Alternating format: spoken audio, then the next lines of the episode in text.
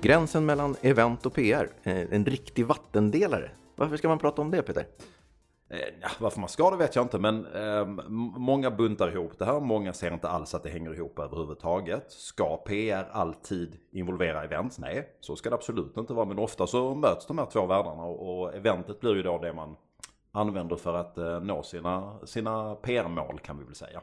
Och vi är, inte, vi är inte ute efter att dela gränsen ytterligare utan vi är mer ute efter att hitta sambanden och vad det finns för eh, ja, vi, synergier. Va? Vi är fina killar. Ja men precis. Ja. precis. Eh, och, och, då har jag en fråga till dig. När, när liksom bilden i tidningen eller, eller det där sociala medier nästan är, är, precis lika viktigt eller viktigare än själva eventet. Mm. Vad, vad, blir, det svårare, alltså, blir det svårare då tänker du? Nej, men alltså jag, ja, det, jag vet vad, jag vet inte. För en gångs skull så är jag något svarslös. Det här är ju inte riktigt min, min hemmaplan. Eh, utan det här är ju egentligen events i en annan del av den här breda eventkakan. Eh, men man kan väl säga så här, vi, vi har ju med oss någon idag som kan det här. Och det är lite roligt för att nu har jag hållit på i, vad är det, 20 år i den här formen och jobbat med events. Och var jag än kommer så säger jag, när, när det kommer fram att jag jobbar med events. Jaha, då konkurrerar du med Mikael Bindefält. Och jag bara, nej, vi har nog faktiskt aldrig sprungit på varandra överhuvudtaget. Så det gör jag verkligen inte. Men, ska jag göra en brygga till dig så kanske du presenterar vår gäst. Ja, men som, vem kan det vara? Som, som av en slump så är vi glada att ha Mikael med oss. Välkommen Mikael! Wow, vilken introduktion! Tack så hemskt mycket! Ja, om du skulle hjälpa lite Peter på, på traven här då. Vad skillnaden mellan eh, PR och event, eller gränsen, vad den går? Vad skulle du säga? Det var egentligen så allting började, tror jag, om jag försöker tänka tillbaks till 1987. När jag började liksom på något sätt eh, eh, formulera tankar och idéer runt det där med event och PR. Även om vokabuläret inte fanns där och, och jag hade inte jobbat med det tidigare utan det är ju en, en idé jag hade bara och rent autodidakt eftersom jag egentligen eh, eh arbetade som frisör då. Men det var ju just det här med, med, att event var PR och att PR var event. Eller att, man, att jag skapade event att jag skapade PR utifrån eventen. Och de första eventen jag ordnade var ju event som var eh, konstruerade och finansierade i princip enkom för att skapa någon typ av hås eller goodwill eller eh, en PR-hås runt ett projekt eller en film eller en krog och sådär. Så snarare sudda ut gränsen? Nej, det fanns inget. Eller fanns inget. Det var det som var hela min idé. Mm. Och jag blev ju oerhört, det låter inte klokt det här, men för då drygt 30 år sedan så blev jag ju eh, idiotförklarad av princip hela branschen. Alla eh, förståsigpåare i, i resumévärlden eh, gjorde sig lustiga över mig och det jag höll på med och trivialis medvetet faktiskt trivialiserade det jag eh, gjorde. Men hur gick det till första gången? Det var, om jag är rätt påläst, Roger Rabbit var första stora filmpremiären eller? Första filmpremiären, absolut. Ja. Var, var, var, kom, eller om det, om det var andra saker också, var kom det ifrån? Du säger att du, du var helt autodidakt. Någon, var det inspiration från utlandet? Var kom de här idéerna ifrån? Ingenstans ifrån, från mig själv. Ja. Jag kan berätta hela historien. Ja, men gör det. Jag gör vet historien bakom alla de där projekten. Ehm, på den här tiden eh, så Eh, Eh, var jag väldigt nära vän med Susanne Ljung, eh, modejournalisten. Hon jobbade på Veckorevyn som var Sveriges i särklass coolaste tidning. Och eh, jag ordnade, hade ordnat ett av mina första stora event som var på Café Opera. Det var första gången någonsin någon hade fått boka av eller stänga Café Opera för ett privat event. Och jag hade tjatat mig till ett uppdrag för att lansera den franska resekedjan Eh, eh, Klubbmed? Nej. Klubbmed, ah. precis. Tack för hjälpen. Mm. Eh, det var stort kalas och det var stor, med, med den tidens mått mätt, stor budget och bara det att man fick vara på Café Opera. Alla var där. Eh, som, och, och hela min, mm. min, mitt kontaktnät var ju verkligen rätt liksom eh, gränsutsuddande. Det var, eh, alltså det var allt ifrån Lili Susi och eh, Jannike Björling till Sass Karlsson mm. och i princip alla däremellan.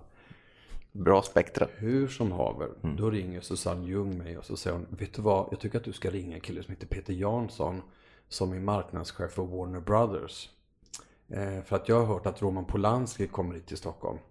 Det vore ju hur coolt som helst om han kom till Café Opera. Jag ringer Peter Jansson, presenterar mig, blir, om jag försöker vara lite snäll så kan jag säga att han, han var, inte, han var liksom Avvaktande. Väldigt avvaktande.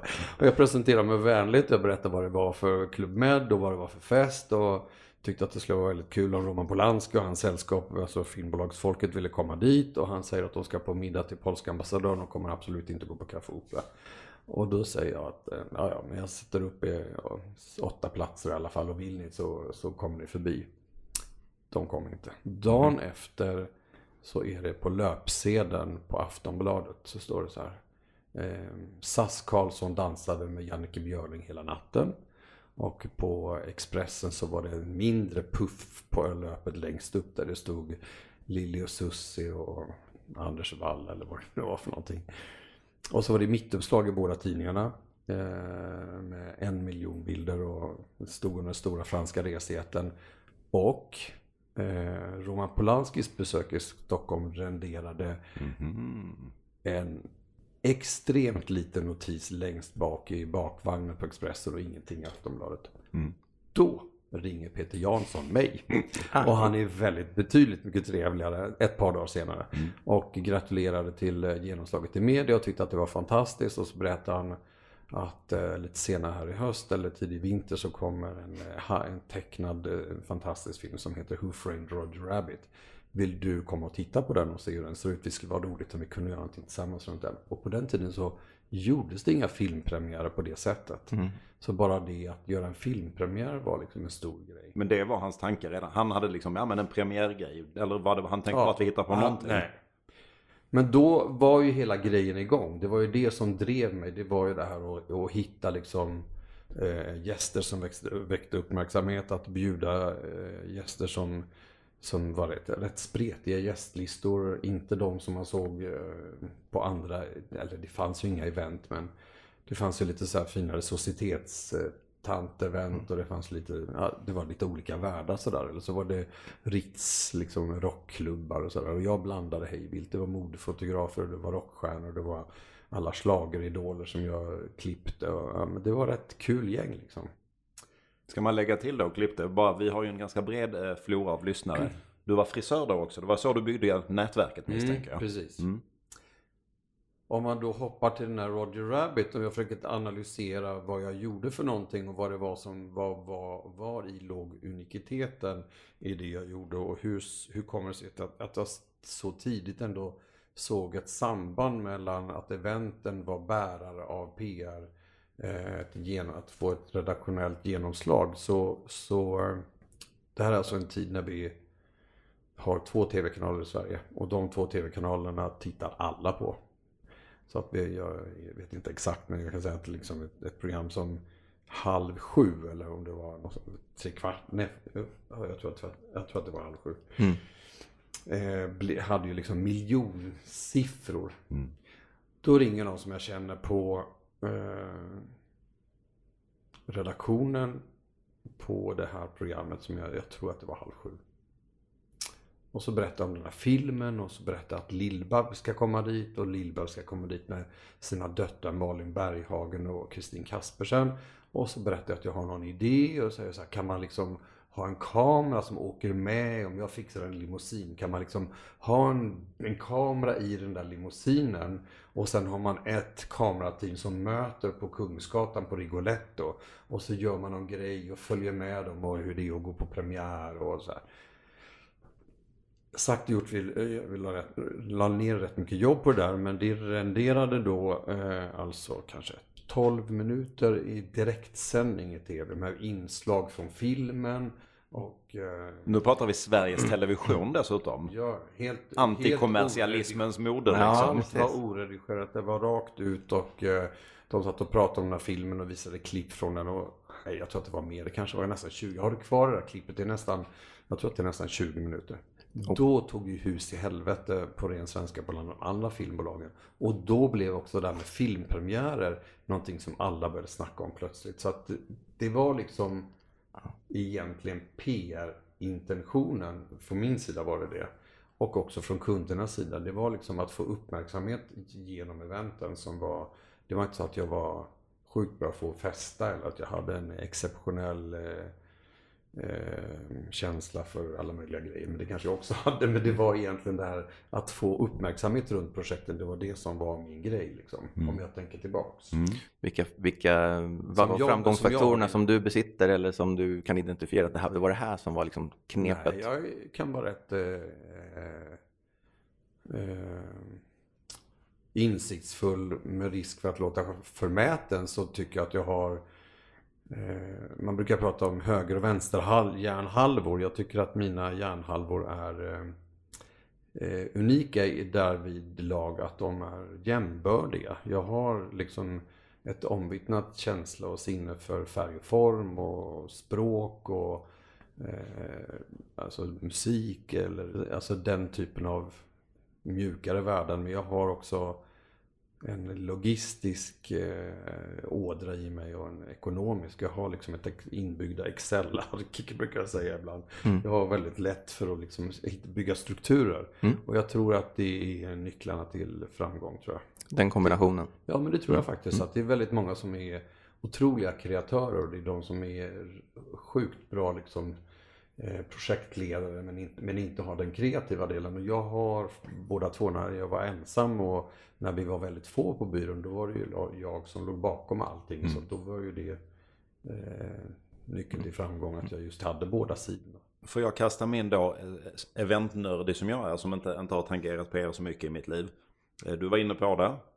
Men om vi, om vi gör det liksom enkelt om vi tittar eventmässigt, om vi släpper PR-aspekten och så tittar vi eventmässigt. Du sa att du hade känsla för färg och form och musik. Mm. Några enkla nycklar till att liksom bygga bra upplevelser. ja men väldigt enkelt, väldigt enkelt.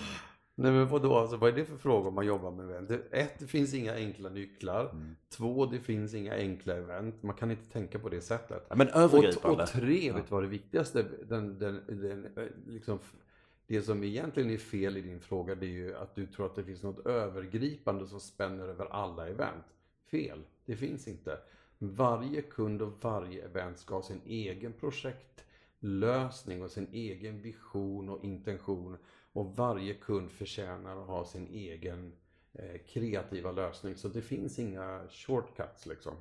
Jag är helt med. Jag reflekterade i banor som till exempel Vad äter och dricker vi? Vilken musik? Vilken eh, eh, känsla in, inreder vi lokal med och så vidare. Sen exakt lösningen måste naturligtvis se olika saker ut. Jag, jag, jag, vill erinra mig att jag har hört till exempel dina beryktade middagar hemma. Att du, är, du har ett gott öga för exempelvis, eh, vad heter det? Detaljer. Gröna saker. Bl blommor, växter. vad, vad är du på väg? Mindslip liksom. Ja. Vad heter det? Blommor, växter. Gröna saker. Gröna men, saker. Men vet du vad, då mm. säger jag så här. Jag är bra på blommor och, och, blommor och saker. Mm. Men vet du vad jag är bättre på? Det är ju att sätta upp, att blanda människor. Ja, now we're talking. Där är en bra grej. Det är det som är nyckeln till framgång. Du kan välja att ha fest på en måndag. Du kan välja att ha fest på något slott eller slottet. Och du kan ha fantasibudgetar och du äta, kan äta på guld och du kan äta gåslever och de dyraste bubblorna. Och det kan bli den tråkigaste jävla middag du någonsin har varit på eller tråkigaste festen. Eller så kanske du har eh, fest i någon övergiven lada med hämtpizza. Men det blir den sjukt roligaste kalaset och ett minne för livet för de som var där för att då har lyckats sätta upp eh, ett gäng människor som aldrig hade träffats annars. Så att det bygger alltid från början, de typen av event som jag gör, mm. bygger, eller som vi gör, för nu är vi jättemånga, bygger liksom i grund och botten på hur blandar man folk och hur ser man till att de trivs och kommer tillbaks. Så att, så att göra ett, en eh, fest eller ett event med eh, människor som förvisso delar samma referensramar och är jämnåldriga och sådär. Det blir sällan bra. Nej precis, mm. tvärtom. Mm. Jan, SAS-Janne och Jannike Björling, det är bättre. Ja, det var roligt 1987. Ja. Men, eh, men, men det är fortfarande så. Jag tänker runt mitt eget middagsbord. Det spelar ingen roll om man har åtta personer på middag eller om man gör ett event för 800. För, för visionerna kan fortfarande vara någorlunda de samma. Och det är just att, att blanda människor och skapa, skapa... Det är ju riskfyllt som värd eller värdinna att placera folk och, och, och, det kan ju också gå käpprätt åt helvete men det kan ju också uppstå eh, magi och det kan bli kärlek och åtrå och, och, affärer och man byter visitkort och det kan bli vänskap och alla möjliga saker. Så att det, det, det är just det där som det, det är där det händer saker, det är när människor möts. Nu vill vi ha en Excel-lista på alla affärer som har uppstått på de här eventen. Ja. Du var lite inne på det alldeles nyss om, om hur eh, Mikael Binderfeldt AB ser ut idag. Kan du ge oss en liten bild av hur, vi vet hur du började, men hur, hur ser verksamheten ut idag? Eh, vi är väl eh, ungefär 20 anställda. Lite varje, lite mammaledigheter och så, men runt 20 skulle jag säga. Och så är vi uppdelade på två distinkt olika avdelningar. Där en då jobbar enkom med eh, PR-uppdragen och den andra jobbar med eventuppdragen. Och sen har vi ju en mängd olika uppdrag som spänner över båda disciplinerna och eh, engagerar båda avdelningarna. Eller projektledare på båda sidorna. Men vi har uppdrag som är specifikt eh, eventbaserade och vi har uppdrag som är specifika PR-uppdrag om du, du var ju en, en game changer i ditt sätt att tänka så att PR-branschen och eventbranschen blev ju helt annorlunda eh, efter du satte igång det du precis berättade. Mm. Eh, om du tittar på hur, hur ni gjorde det då kontra hur du gör det nu, vad skulle du säga är de största skillnaderna? Uh, uh, Svårt. Ja. Inga alls. Nej. Skillnaderna? Mm. Hantverket är mångt och mycket detsamma. Eh, allting mycket större, mer komplicerat. Eh, det var ju både väldigt mycket enklare och att, att äga alla problem själv och göra allting själv. Samtidigt så eh, var det ju en otrolig stressfaktor att vara ensam eller att jobba. Jag hade en som hjälpte mig med små saker och sådär. Mm. Och när vi var tre så sa jag, nu kan vi inte bli fler, det går inte. Man kan inte ha liksom fler än tre anställda, det går, det går inte. Så att, nej men det är saker som, det är klart att digitaliseringen har förändrat väldigt mycket och så. Men om jag tänker tillbaks på PR-uppdragen så är de också så här omvittnat legendariska. Jag jobbade mycket med eh, en eh, reklambyrå som heter Riffifi som inte finns längre som hade Kappahl som ett av sina största konton. Och kom på idéer åt dem och så gjorde jag hela PR, eh, PR-grejen på de där. Och satte upp eh, de tre Bondbrudarna, eh, Modernans Britt Ekland och Isabella Scorupco på någon kampanj. Och, eh, tog hem Anita Ekberg från Italien och fick med henne en, en reklamfilm för Kappahl. Och, alltså, Kommer vi ihåg? Det stora mm. grejer. Eh, skapade mystik och magi runt en, eh, en, en, en lite mullig modell, en amerikansk tjej som hette Emme och vi fick hennes bok översatt till svenska och hon gjorde tv och alla möjliga saker. Det blev liksom otroliga succéer. Och det var ju bara för att jag tyckte att det var kul att jobba med PR. Så att det var väldigt mycket PR också redan då. Mm. Renodlad PR som inte hade med event att göra. Men i det gränslandet där då, tillbaka till gränslandet PR-event. Mm. Eh, jag misstänker i det bruset vi lever i idag att många har tagit rygg på dig och gör event för att driva PR. Är det extremt mycket svårare oaktat liksom kompetens och kunskap att få medial uppmärksamhet eller bygga PR i olika former genom event idag? Är det lika givet? Idag så kanske man inte skulle få 12 minuter live i SVT för Nej. att Lill-Babs hade åkt en Nej. limousin. Såklart. Nej men jag var väl pionjär och, och, helt orädd och jävligt mycket skinn på näsan och tog mig fram och ringde upp och ringde till NK och frågade om vi kunde få alla skyltfönster mot Hamngatan för jag hade några jeansjackor som massa kändisar hade gjort för 501 eller för Levi's för Barncancerfonden och de skulle säljas på auktion. Och så tjatade jag lite så fick jag alla skyltfönster i två veckor. Alltså sådana där grejer. det skulle inte hända idag. Nej, så, så att det, ja, det kan man säga att ja, vissa saker var lättare för och vissa saker, ja men världen förändras och förändras man inte med den så är man liksom inte med i matchen. Mm. Så att jag inte tänker så mycket på Eh, på att det har ändrat. Jag kanske tänker att eh, mer att digitaliseringen har gjort att man kunderna ska och kräver ett annat resultat och eh, vi måste jobba dubbelt så mycket för ungefär samma summa pengar. Mm. Så att det, det, blir liksom, vi jobbar väldigt mycket mer än vad vi gjorde för här, här har ni en gemensam sak. Vi gillar att räkna ut värdet av eventen. Mm. Göra nyttan. Hur tänker, hur tänker du kring, hur, hur bevisar inga, du värdet vi av? Inga, vi har inga eh, mätmetoder för eventen för kundnöjdhet eller så. Utan vi gör, för vissa kunder gör vi liksom ett, eh, alltså en enkät mm. och mäter lite sådär. Men lite trubbigt verk tycker jag ändå att det är. Men det är väl mer medialt utrymme och så. Ja, det är väl så ni redovisar er nytta. Ja. Absolut. Mm. Ja. Men själva eventen är svåra. Men eh, mm. på PR-sidan mäter vi allt. Mm. Men du, om jag är tillbaka till eventnörderiet då. Um, att ni gör event för att, för att uh, skapa PR och hjälpa kunder att bygga varumärken och komma ut med budskap. Det gör ni andra typer av event? Absolut. Berätta, vilken typ av event gör ni mer? Ja, men vissa kanske jag inte verkligen kan eller vill eller får berätta. om något som du vill. det är roligast att börja där. Nej, men vi gör ju också en del uh, hemliga privata event. Inte så många, men några få, där, några få som vi tycker är väldigt, väldigt roliga. Alltså som en uh, eh, 50-årsskiva liksom? Kan den hända. typen? Ja, kan vara. Okej. Okay. Mm. Eh, och vi gör, eh, det kan ju också vara så att, eh, eh att vi gör Alltså allt blir ju event, eller rättare sagt så här. Om vår PR-avdelning går in till vår eventavdelning och säger att vi ska lansera ett nytt margarin. Vi, behöver, vi ska ha ett frukostseminarium för det här margarin, mar, margarinet och, och, prata om kolesterolsänkande margarin. Och vi, behöver, vi kommer att ha tio journalister på plats och, och någon som modererar, en forskare och sådär. Eh, här är budgeten. Då blir det liksom ett event av det också.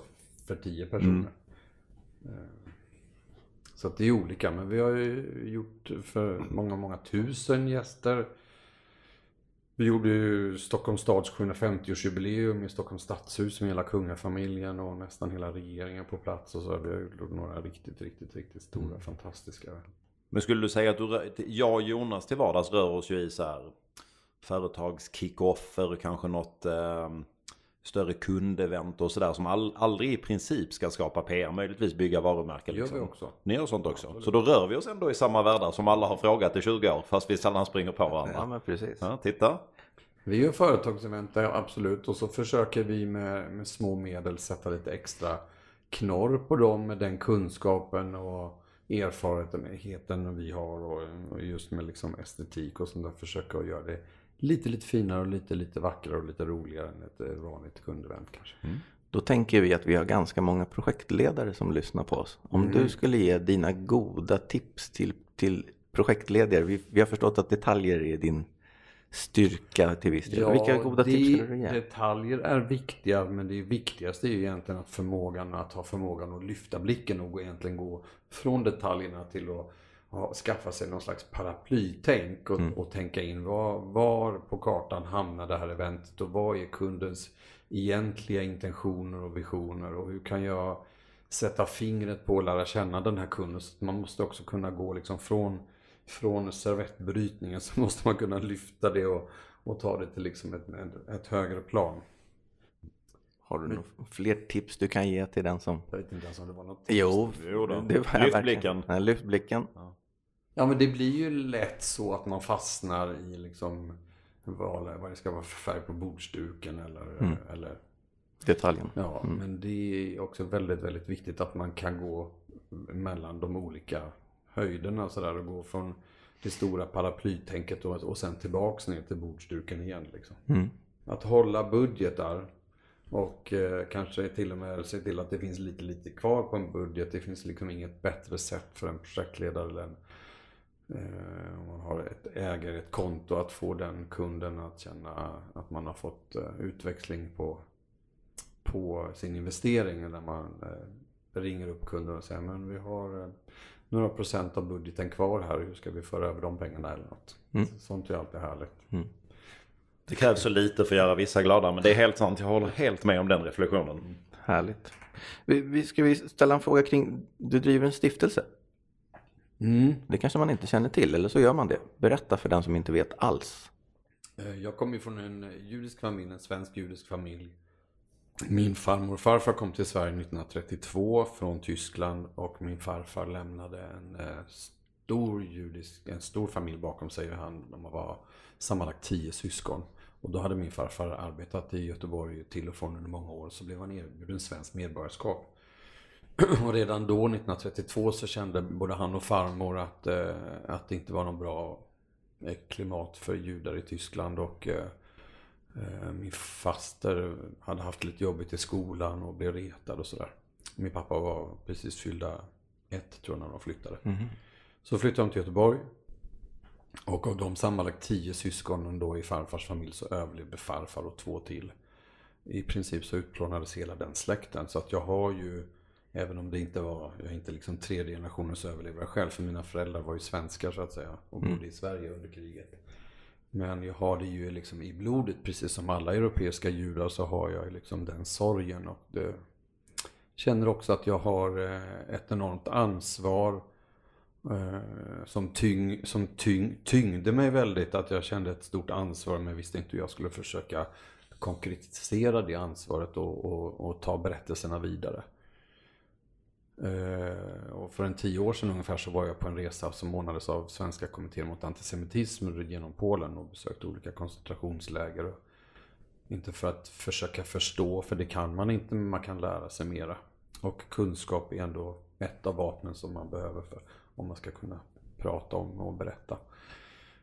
Och när jag, när jag var i eh, det lägret som heter eh, eh, Treblinka som egentligen inte är något läger för det finns ingenting där alls egentligen. Där mördades eh, nästan exakt en miljon människor på 12 mm. månader. En svensk mindre stad varje dag. Så kände jag att, eh, att, jag, att jag ville göra något viktigt när jag kom hem. Mm. Och stiftelsen eh, verkar i, i vilken form gör vi, vilken, vilken typ av uppdrag? Då, eh, när jag kom hem så, det, det, tog ett tag innan jag hade liksom formulerat tankarna och vad jag ville och eh, hur det skulle gå till och min eh, övertygelse var väl egentligen att stiftelsen skulle börja dela ut pengar efter det att jag hade gått bort. Så att jag hade mm. tänkt mig att göra något testamente och sådär. Mm. Och så samlade jag en massa människor, eller sju, åtta personer vars åsikt jag har väldigt stor respekt för. Eh, och så satt vi åt lunch i, min, i mitt växthus och så berättade de min idé och så sa de allihopa i princip samtidigt att det kommer aldrig gå. Alltså du måste börja jobba med dig själv. Du kan inte liksom börja med någonting när du har gått bort utan du måste jobba med dig själv. Mm. Och så tog jag, lyssnade jag, inte så bra på att lyssna på andra oftast men just då gjorde jag det. Så jag eh, donerade 5 miljoner kronor själv eh, och startade stiftelsen och så delade vi ut pengar, avkastning varje år. Mm. Eh, den 27 januari som är internationella, det som kallas för Holocaust Memorial Day, alltså förintelsens, förintelsens minnesdag. Just. Till ett kulturellt projekt som har en önskan om att berätta om förintelsen för nya generationer.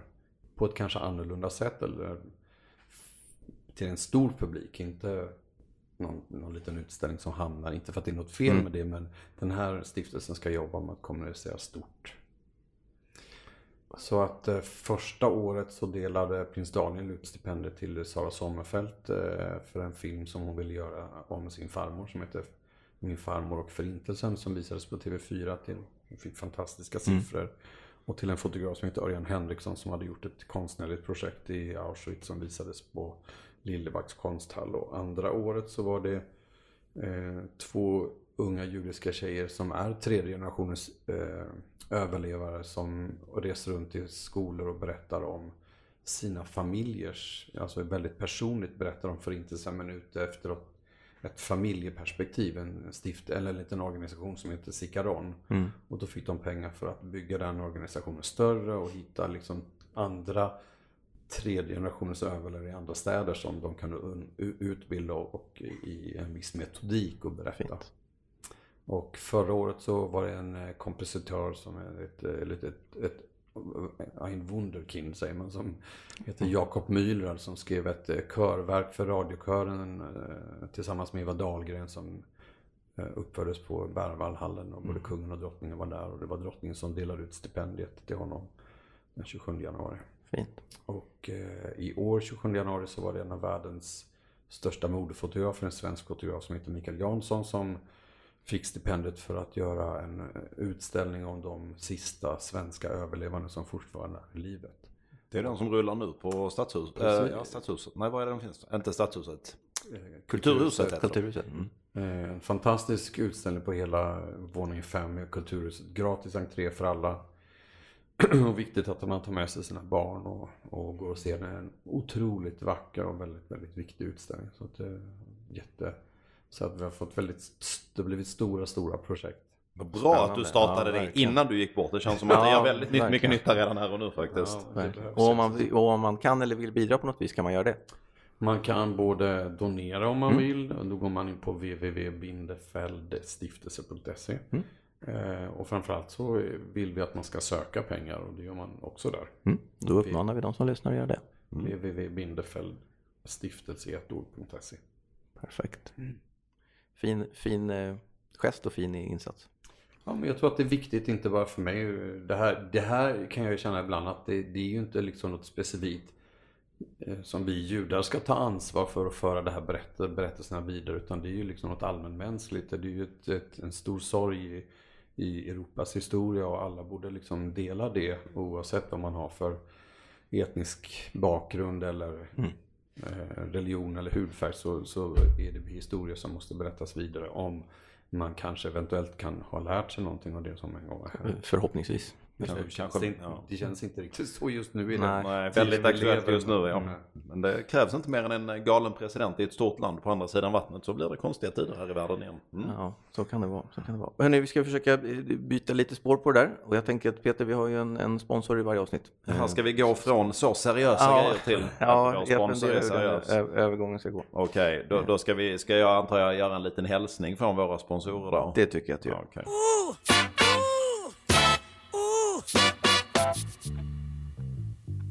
Västerås, Mikael, har du någon uh, reflektion kring Västerås spontant? Uh, några av mina närmaste kompisar bor där och har en jättefin hästgård. Ja, det är en bra övergång. Vi kan, då det är vår nya sponsor, ser man bra.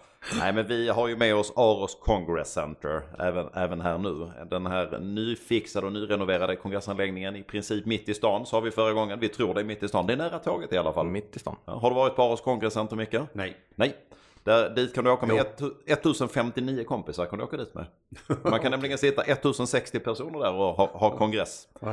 Och de har hotell och de har eh, superfixat och massa lokaler och mm. mängder med parkeringsplatser och de kan göra allt möjligt. Och de kan Dessutom kom jag på, vi gjorde faktiskt ett event i Västerås för några år sedan där de gjorde catering för 2700 man. Så att de har stora muskler för sånt. Mm. Så vi rekommenderar väl alla att åka dit. För att åka dit och göra... Det är taget. Jag ja. blir sugen med en gång. Ja, bara, det bara en sån sak. Och sen kan man åka till hästgården efter det. Mm. Aros kongresscenter. Aros kongresscenter. Tack för att ni är med oss. Mm. Tackar.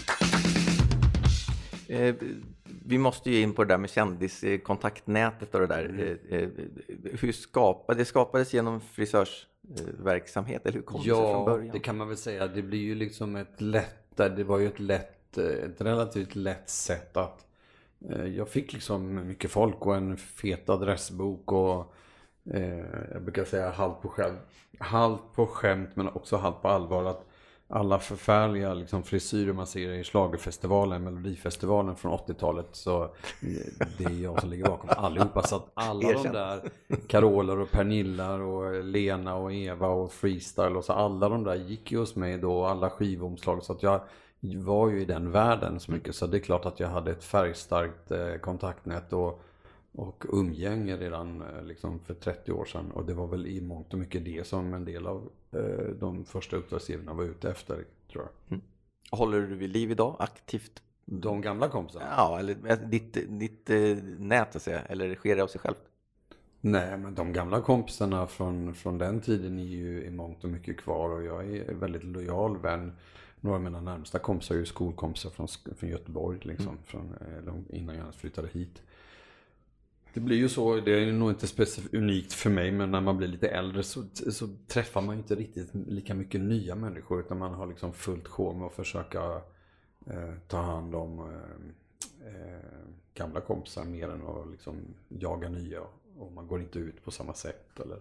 Men du måste ju vara en extrem, jag tänker du måste vara en extrem medieslukare. För att det poppar ju upp folk här till höger och vänster i medievärlden som kan vara relevanta och hjälpa till att bygga varumärken. Mm. Är, är, du så här 20 timmar online varje dag eller, eller hur, hur fångar du upp alla Fast nya namn som kommer? det är också en av de där sakerna vi pratar om höger och vänster hjärnhalvorna. Jag har ju en, eh, en, nästan en besatthet av media och det hade jag eh, innan jag började jobba med det här. Kanske jag började jobba med det därför att jag var intresserad av media och egentligen ville bli journalist egentligen från början. Så att jag läser media på och tänker hur, alltid, inte som hur jag tänker utan jag tänker hur tänkte journalisten. Jag tänker alltid varför ser rubriken ut sådär? Varför ser ingressen ut sådär? Varför var satt man bilden, den bilden istället? Så jag tänker liksom väldigt mycket på media, ja. Mm. Vi är lite nyfikna, vi hänger kvar vid kändisdelen lite Och grann. älskar papperstidningar får man ah, säga. fortfarande? Ja, ja, det är rätt. Det är något speciellt. ja, jag var i Göteborg i helgen och käkade frukost på hotellet. Bara titta, där ligger det faktiskt ja. en mm. fysisk Svenska Dagbladet. Wow! Bara bläddrar hos mig på frukostbordet så ligger det både en DI, DN och en Svenska Ja, men det är något speciellt faktiskt. Jag älskar det. Ja. De bra dagarna börjar med att man får bläddra i tidningen. Ja, och, man ska... det så, ja. Absolut. och man läser alltid bakifrån, eller hur? Nej, det är bara jag som nej, gör det. det. Nej, det gör man inte. Nej. Det gör man inte. Men frukosten smakar bättre. Ja, så är det. Sant. Eh, eh, mest eh, oväntade namnen som du har liksom haft som gäster som man ska säga. Och det där trodde jag aldrig att jag skulle, de här, den här kombon eller de, de här gästerna är extra nöjd med eller stack ut på ett sätt. Finns det några namn som du skulle ge? Eller en konstig fråga. Det var hur många som helst men Ja, det är, alltså, jag kan liksom sitta här och allt från Anna Nicole Smith och Anita Ekberg till, mm. till, till, till, till Clintan och, och, Grace Jones och alltså jag har ju mm. hängt. Alla. På den tiden så fanns det ju inte massa security och sådana saker utan eh, Vilken svensk? Jag tog ju med Clint Eastwood till mitt gym liksom. Åkte taxi till mitt gym. Mm. Vad sa jag med min kompis? Är det okej? Okay? Mm. ja men alltså jag fattar väl att de kände igen honom men det var inte så som, det var inte det fanns ju ingen som stod och fotograferade och ja. Det händer inte idag. Nej. Idag är alla fotografer. Vilken svensk är det knepigast att få med då? Är det någon du har tjatat på en hel massa som inte vill vara med? Fast vill man inte vara med så vill man inte vara med och då mm. tjatar man inte liksom. Nej. Nej. Ingen sån. Nej. Nej. Det är väl inte så, att de flesta kan jag tänka mig tycker att det är ganska spännande och de bygger väl, antar jag, sina egna varumärken. Man kapitaliserar väl på varandra lite. Ja, men det beror ju också lite på vad vi pratar om för typ av saker och för typer av event. Om vi nu gör liksom saker som är ett spann som är alltifrån Ellegalan och, och årets eh, affärskrog och Dagens Industris Gasellengalan och min stiftelses utdelning som av, av en viss seriositet eller väldigt hög seriositet till liksom enklare eh, kanske någon barnfilm eller sånt. Så det är klart att det är olika typer av gäster som mm. attraheras av olika saker. Mm. Om drottningen kommer och delar ut stipendiet så är det eh, helt fantastiskt. En av de största ärendena man kan få tycker jag att mm. kungahuset ändå sätter sin approval på, på eh, stiftelsens arbete. Men det betyder, betyder inte att jag sitter mm. här och säger att hon går på våra event. Utan det är ju det är olika Kopplat personer som mm. kommer till olika saker. Mm. Men om nyfikenhet då, jag misstänker att idag när du har, har liksom x antal sådana här event i ryggen så vet du ungefär vilka som kan tänkas komma och inte komma. Man drar inte iväg en inbjudan till en biopremiär till kungen och drottningen. Nej, det verkar märkligt. Men var det annorlunda för, vad blir det, 87? Det är ju nästan 30 år sedan. Sköt man bredare eller sköt man ännu smalare eller hur? Vad har ändrats där i vilka du bjuder in? Nej men det, det var nog smal, smalare tror jag då. Eh, eller färre. Inte smalare men färre. För att det fanns inte lika mycket kändisar? Det fanns inte lika mycket, det var inte, inte bara om kändisar utan opinionsbildare var ju det som var hela idén. Alla de var ju inte kändisar. Men det fanns ju, eh, jag var ju ensam som, jag gjorde åtta event på ett år. Då kom alla till de åtta eventen. Mm.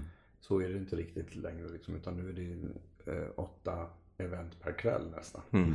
Så att det är ju eh, många som slåss om samma gäster. Mm.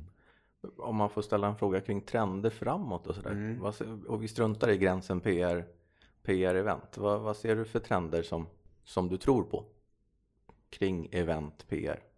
Det låter lite floskligt men det är ju ändå fortfarande att förstå kundens intentioner med eventet eh, och att eh, man som projektledare verkligen går in i det uppdraget och försöker förstå eh, och göra någonting, att, att hitta en kreativ höjd in, inom den ramen som man är given. Och det kan ju oftast vara så att kunden inte har förmågan eller tiden eller kunskapen att att förmedla hela bilden utan de är väldigt mycket så här, här är, här är uppdraget och sen så måste man ha en magkänsla eller någon slags intuition för hur, hur man ska eh, uppfatta uppdraget och det är en konst tror jag. Mm. Som, man kan, som blir allt viktigare. Hur ser du på våran bransch? På event, event slash PR-branschen? Tycker du att vi gör ett bra jobb som bransch? Ja, alltså jag har jag förklarat själv inte insikt egentligen vad andra gör på det sättet. Men om man jämför med hur det såg ut bara för några år sedan så har ju vi i Sverige blivit extremt mycket proffsigare.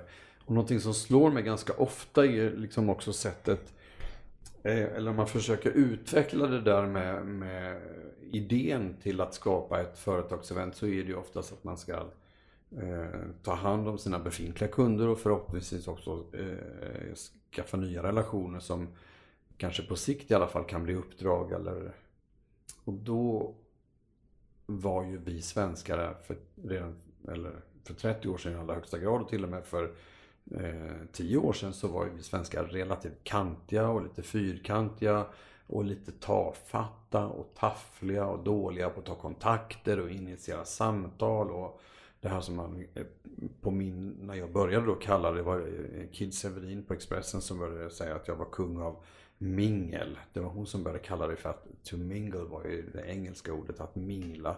Det vill säga småprata och jag gjorde någon regel att man ska liksom inte prata med någon mer än två minuter för då är tiden ute, då ska du gå till nästa. Mm. Man inte uppehålla någon liksom en hel kväll och det ligger inte för oss svenskar rent genetiskt men om man ser idag så har vi ju de större städerna blivit väldigt, väldigt mycket bättre på att småprata och att förstå det affärsmässiga i att bygga relationer och ta hand om dem. Och den unga generationen då är ju jätteduktiga på det eh, via sociala medier och har ju liksom ett, eh, deras sociala nätverk blir ju också ett kapital som de tar med sig till sina arbetsplatser. Mm. Så att eh, eh, ja, det är en stor skillnad mot för några år sedan. Mm.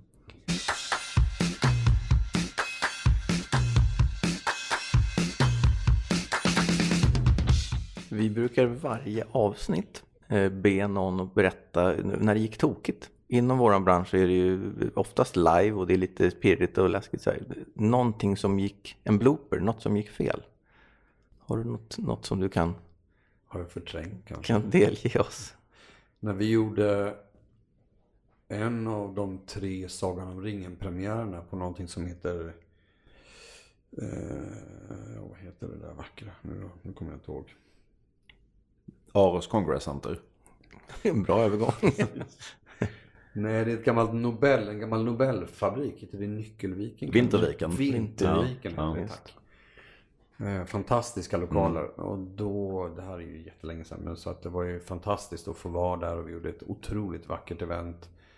Eh, med Sagan om ringen-tema och alvkörer och alltså det var helt magiskt. Eh, och när klockan är så halv elva eller någonting så går brandlarmet. Ouch. Alltså ni vet, vet ni på riktigt hur ett brandlarm låter? I en, en, tegel, en tegelfabrik. Det hörs. Och ingen vet hur man stänger av det. Oj, oj, oj, oj, oj, oj. Så det var lite jobbigt och det var jobbigt väldigt lång tid. Eh, Vad var det som hade hänt då? Det var förmodligen ingen större brand Nej, nej, det var ingenting som hade hänt. Det var något som hade blivit fel med larmet. Mm. Men det stora, stora fadäsen var att ingen fanns där som visste hur man skulle stänga av. Mm. Ouch. Så det var jobbigt som fasen och när vi, jag ordnade den stora födelsedagsfesten för TV4 1989 eller vad det var. Eh, då eh, tog ölen slut mitt i natten. Det var också sjukt jobbigt. Det är ju värre än om ett, en, ett hus börjar brinna. Bralla, ja, verkligen. Just, ja, Vilken katastrof. Ja, men då hjälpte eh, Spendrups mig tror jag det var med någon tankbil mitt i natten och fixade och höll på där. Det är bra. Härligt. Det är bra. Det är bra service. Mm. Ja.